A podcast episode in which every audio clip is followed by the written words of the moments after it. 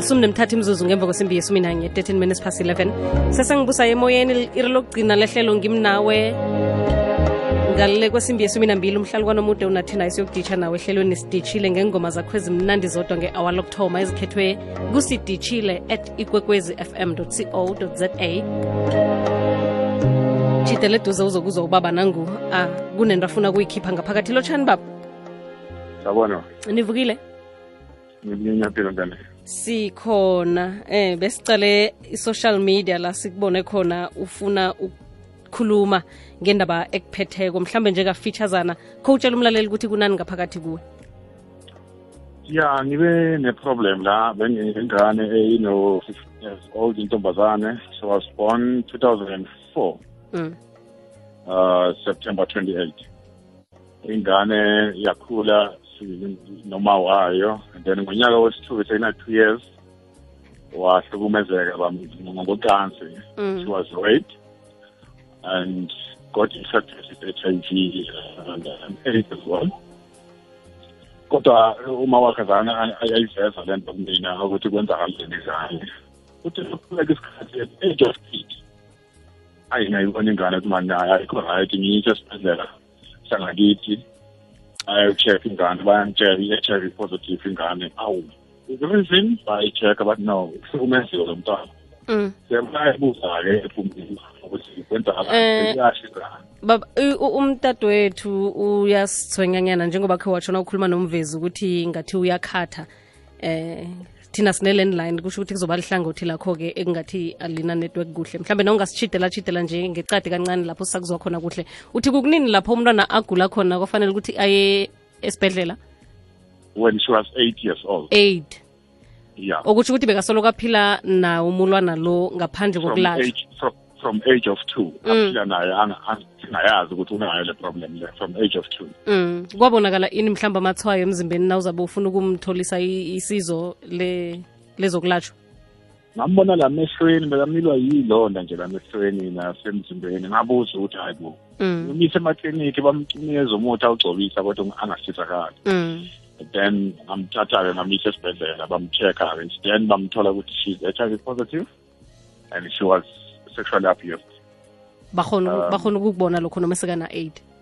bakhona ukukubona lokana aid Mm. mm. sengiyayilandelela-ke indaba mangiphuma esibhedlela ngibambuza uma wakhe ingane nje ishilo le nto ukuthi yenzeka kuyona sekachaza uyakhumbula esikhathini ethi umntwana uyagula ngonyaka onje Mm. ithi yes ya ngiyacela futhi avaye ngikutshela kodwa kwenzeka into enje nje nje yenziwa umzala wami manje wangitshela kanjani mina hayi bekade ngisaba manje ilife yomntwana ngoba kube yishiyo lento eli ngabe ngimthathile ngamhambisa waba right.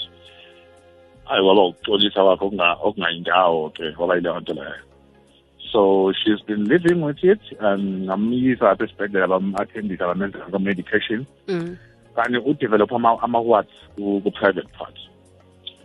Singamyisa kwesibhedlela embuleni hospital elukwatini udokotela wam- wamjikisa lo mntwana angafuni ukumnceda. Ngicabanga ukuthi beka- beka- beka- bekanyenyiswa yile zinto azibona enganeni yami. Ngoba wagcina sekasibalekela sinikeza idate size abaleke.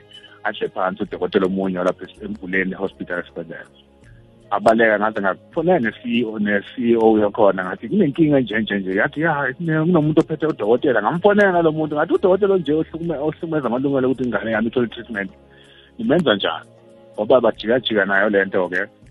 Until ingane yami yohlala noma wayo e- esowetho-ke ukuthi wena noma womntwana nahlukana sahlukana noma umntwana asesemncane.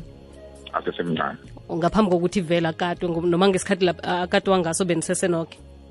ya ngoba kunama yenzeka lento sihlukene ngoba ngoba nama-ishu amanye izinto azenza Mm, ah.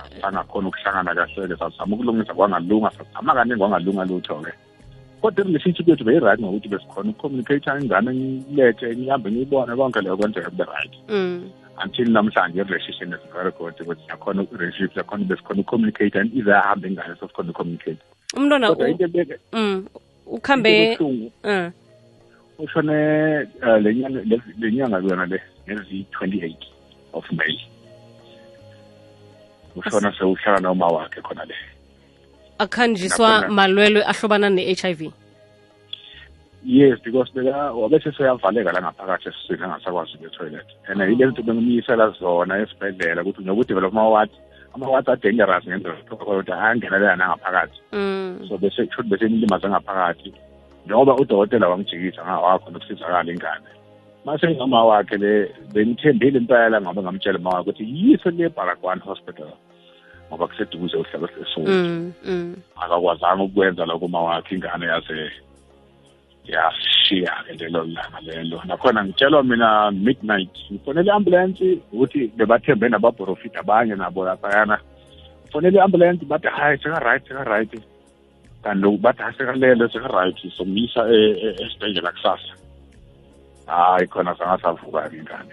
Asikisi baba kubuhlungu nanje. Yami ingane ngiyithanda kabi impela nje. Mm. Uthe uza kutshinga ku-social media kuhle kuhle yini umncopho ukuthi uyikhulume indaba le? The reason why ngifaka social media ukuthi ngibe-disturbed la ngqondweni yami as a father. Ukuthi how come ngilahlekelwa ingane yami ngokuthi bayihlukumezile? Right isihambile-ke yona. Mhlawumbe sikhona ezinye iy'ngane ezinale problem efana nayo le ngoba I was I'm actually willing ukuthi ngibe ngithole nama NGO engakwazi ukuthi ingisebenzise ukuthi ngihambele ama-issue afana nawo lawo. I have all the time I can do that to pay respect to ingane yami ukuthi mntanami azange sibe nomuntu ozowenza lento ezowenziwa yini kwabanye manje. I'll be going all out ngisize ezinye iy'ngane. I'm sure nayizobile nayilele khona ingane umoya wayo ngibona ngikwenza lokho. She's really going to be happy and proud of me. Mm. It's a last tribute to her. Yes. nokubuhlungu baba siba ukuthi ududuzeke kilokho kwenzekileko njenganje sizokudosela lapha i-psychologist khe simuze ukuthi yena uthini ngibonile abanye ababuza ukuthi uyayithola into efana ne-counseling na washo ukuthi nangambala uyayithola ungathini mhlawumbe ngalokho angayitholi actually ngisengayeyanga for i-counseling because mm. ama-psychologists they are very expensive yeah. i cannot afford that mm. i can't afford it at the state yeah they are very expensive and sengayanga for counseling ngivele ngingene lapha kule social media ngivule leyo twitter ngibheka abantu bakhuluma bakhulumayo kuningi kuyangicomforta by so seeing people abasho okuthile ukuthi ndoda be-right abanye bangi-dm basho ama-stories wabo amoyo a-western le ngiyibonile mina le. So ngibelieve ukuthi mangingakhona ukuthi ngitholakale nje ngikhona ukubonana nayo i-psychologist can play a very important role ngoba at it stands uma ngihleli phansi ngibheke iy'thombe zengane inyembe ziyabuya manje i cannot live like this forever akukhonakali she was, she was my daughter my firstborn she was my friend she was everything. Naye sibukela ibhola sidlala ibhola sihlekisana sidelelana sobabili abantu baze bathi usizinobhodi kanti cha mntwanakho I, I lost i lost big time. Yazi omunye umuntu navane kwenzeka into efana nale uzithola mhlawumbe azibetha yena ngokwakhe ukuthi zange ngikhona ukukuvikela mntwanami izinto ezifana nalezo nawe ziyagijima. Mm. how unfeeling. That's why ngize ngithi ngifisa ukuthi ngaba khona nje into ngaba involved kuyo. Ngisebenza like nobody please noma kuthiwa nje i want to volunteer. Volunteer kuzobe kusho ukuthi angizuze lutho from that NGO kodwa ngifisa ukuthi ngifake wonke amandla wami ngisebenze ngendlela ukuthi umoya wami uzokwazi i will be able to forgive myself because now i'm looking back ngithi kuba zana ngihlukana nama wakhe lelanga enza into enjenje nje ngabe ngakwazi ukuyivikela ingane yami yangabhekani ezimo ezinje ngabe iyaphila namhlanje. So that's the first blame biza ngokuthi udlamina le nto yangidla ngaphakathi ngingedwa. Ukulalele udr. William ngomezulu. Dr. Mngomezulu lotshani loshani ninjani busayi sikhona sino-anonymous emtatweni ubaba ubekasitshela ngendaba akhe emenzakaleleko.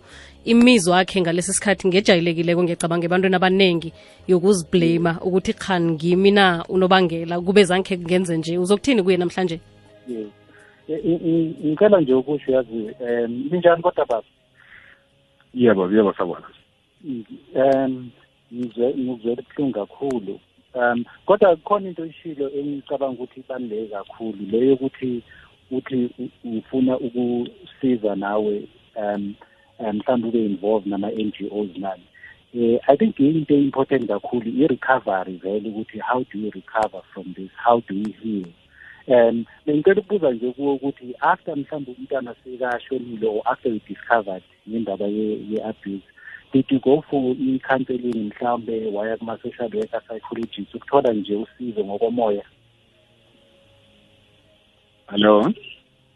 Okay ngiba ukumphendulela dr. Mngomezulu ngoba nami umbuzo lo ngimbuzile watsho ukuthi kwanje akakabi ukubona muntu ngoba wazi ama-psychologist nibiza. Oh okay. Alright sizokhuluma naye nje mhlawumbe ubaba ukuthi ngikwazi ukumrefera la ekhona mhlawumbe you know after after i-show but i think into e-important la ukuthi uh emva vele ukuthi utholile ngento so it's expected that it's quite kuba ne-shock enkulu kakhulu okuthi awukwazi ukudila ngayo vele ubaba lento akhuluma ngayo iba khona le ukuthi uziblame ukuthi you're not able ukuthi ukwazi ukumprotect umntwana wakho nani.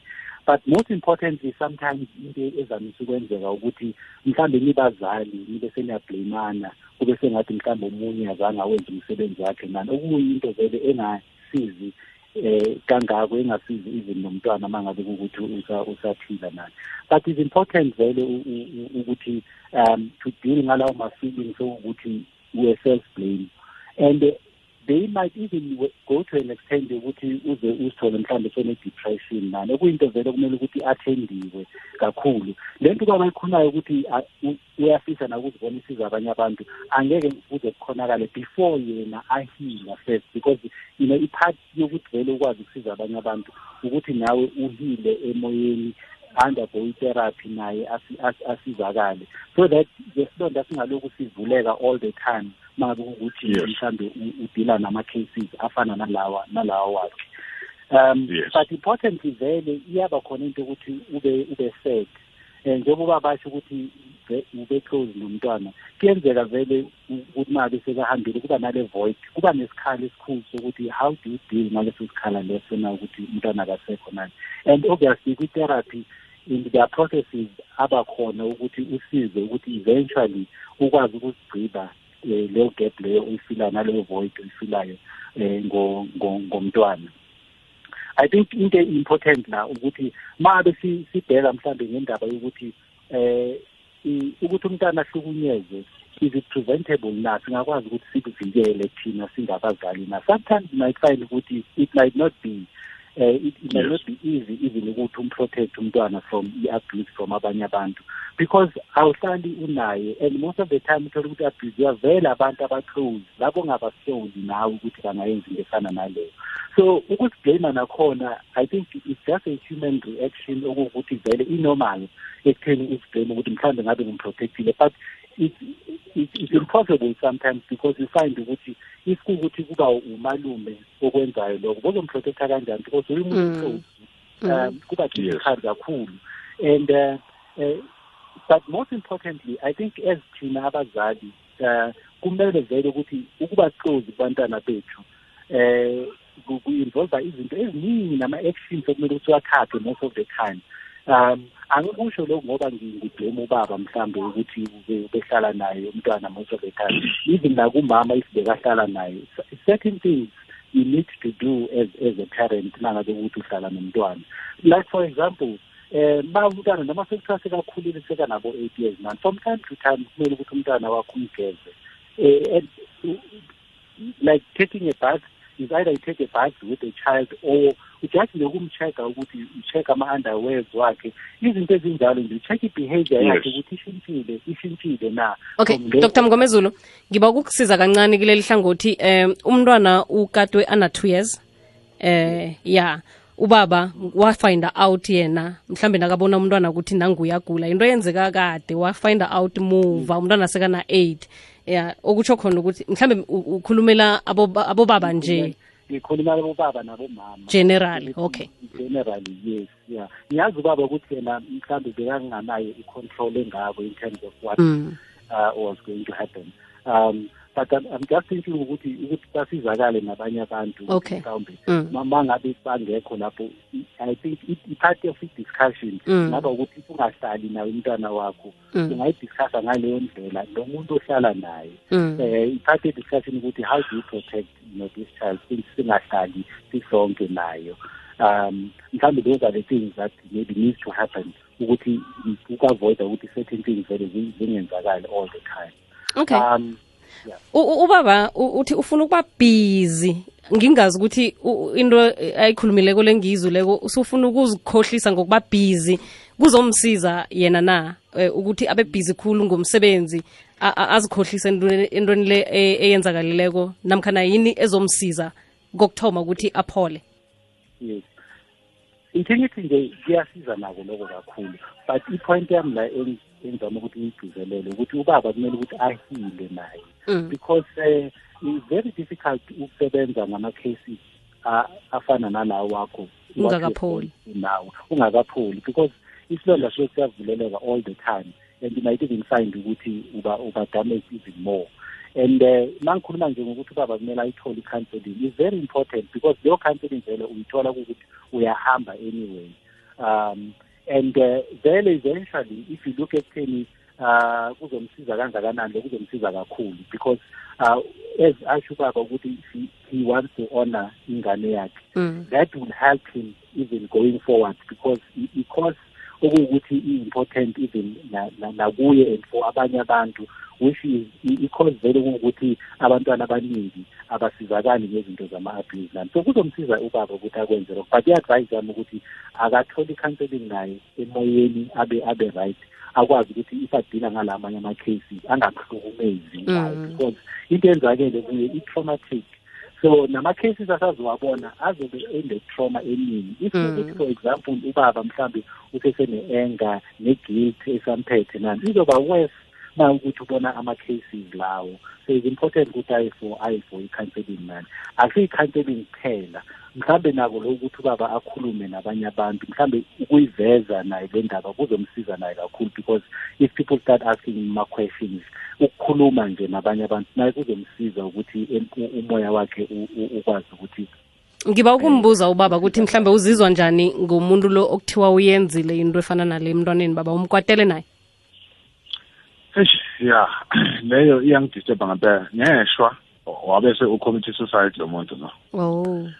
Mase kezwa ukuthi sesidiscoverile ukuthi uyena. Ngike mangifisa ukuyombona ngale ento enganginayo wayi kwathiwa soyifake ngaphasi kwetruck wayibulala. Sure. Mm. so ngaba ngibena ngaba na mix uh, feelings lesikhathi esiningi Yeah. for the impilo yami yonke from she was 8 until she's 15 Mm. vele impilo yami ayikaze ibe right kahle ngoba mangicabanga lezi zinto lezi bezingidisturba nje impela ukuthi why kwenzeka enganeni yami Mm. firstborn kwenzeka Mm. zonke lezi zinto lezi Mm. ngesikhathi esisodwa kube mhlambe bekahlukunyeziwe wangabi wangabi HIV positive bekuyi-issue enye bekuzodilwa ngayo mara bese wawuthube yingibuza ikhula baba Mm. why mina nga- ngayenziwa lokhu why mina baba ngigula abanye Mm. waye njalo ngiyayibhedlela baba wayelidla amaphilisi? Nasitobani nokwaza le nto beyidlala igaseni kumina. Hmm.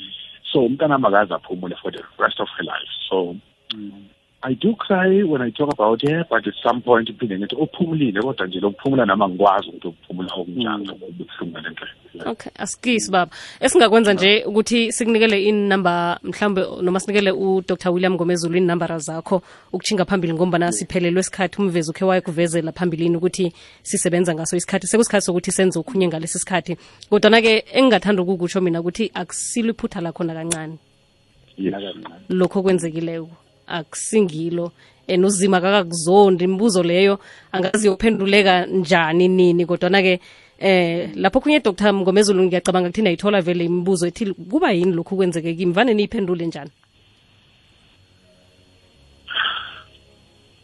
Busayi dr. Mngomezulu angazi wawubuza mina mm ukuthi vane nithini ngoba abantu abenzekelele izinto ezibuhlungu banombuzo ukuthi why me?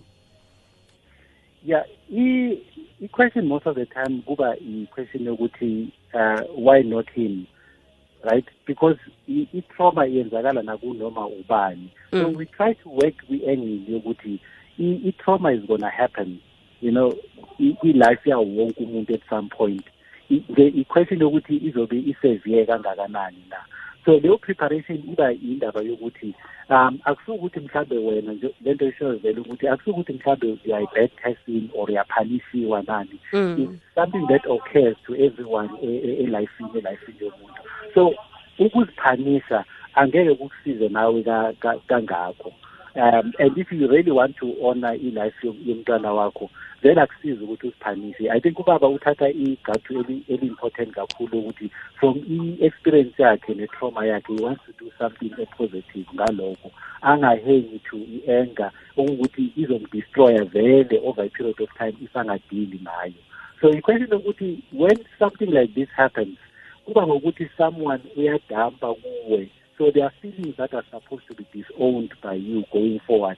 So khona izinto vele ukuthi awuzange uzinande vele nje izinto Zikwenzakalela. uyazifila like i-anger for example akusinto ukuthi uyinvayithile but isikhona. And obviously you're supposed ukuthi uqale ukuthi uyi-disowne so leyo process has to happen in, in therapy ukuthi u-disowne those feelings nani same nama-feelings okuzisola ukuthi vele ukuyisola would always come naturally but you also have to realize ukuthi ku-normal vele i-stage vele sokuthi udile nge-shock leyo part leyo ukuthi uzisole nani. But you also have to move on ekutheni u- u- u-accept i-situation ukuthi it has happened and ukuthi uhlale kuyo iyakulimaza wena ngokwakho. So you would have to move to a point where you begin to accept right ukuthi this happened and uhile even after that dr. Mngomezulu sithokozile nakubaba ukuthi azokwaba ngendaba bakhe emhatshweni f FM ngalesi sikhathi isikhathi sokuthi sizwe umdlalo womoya osemsamo limphosa emnyango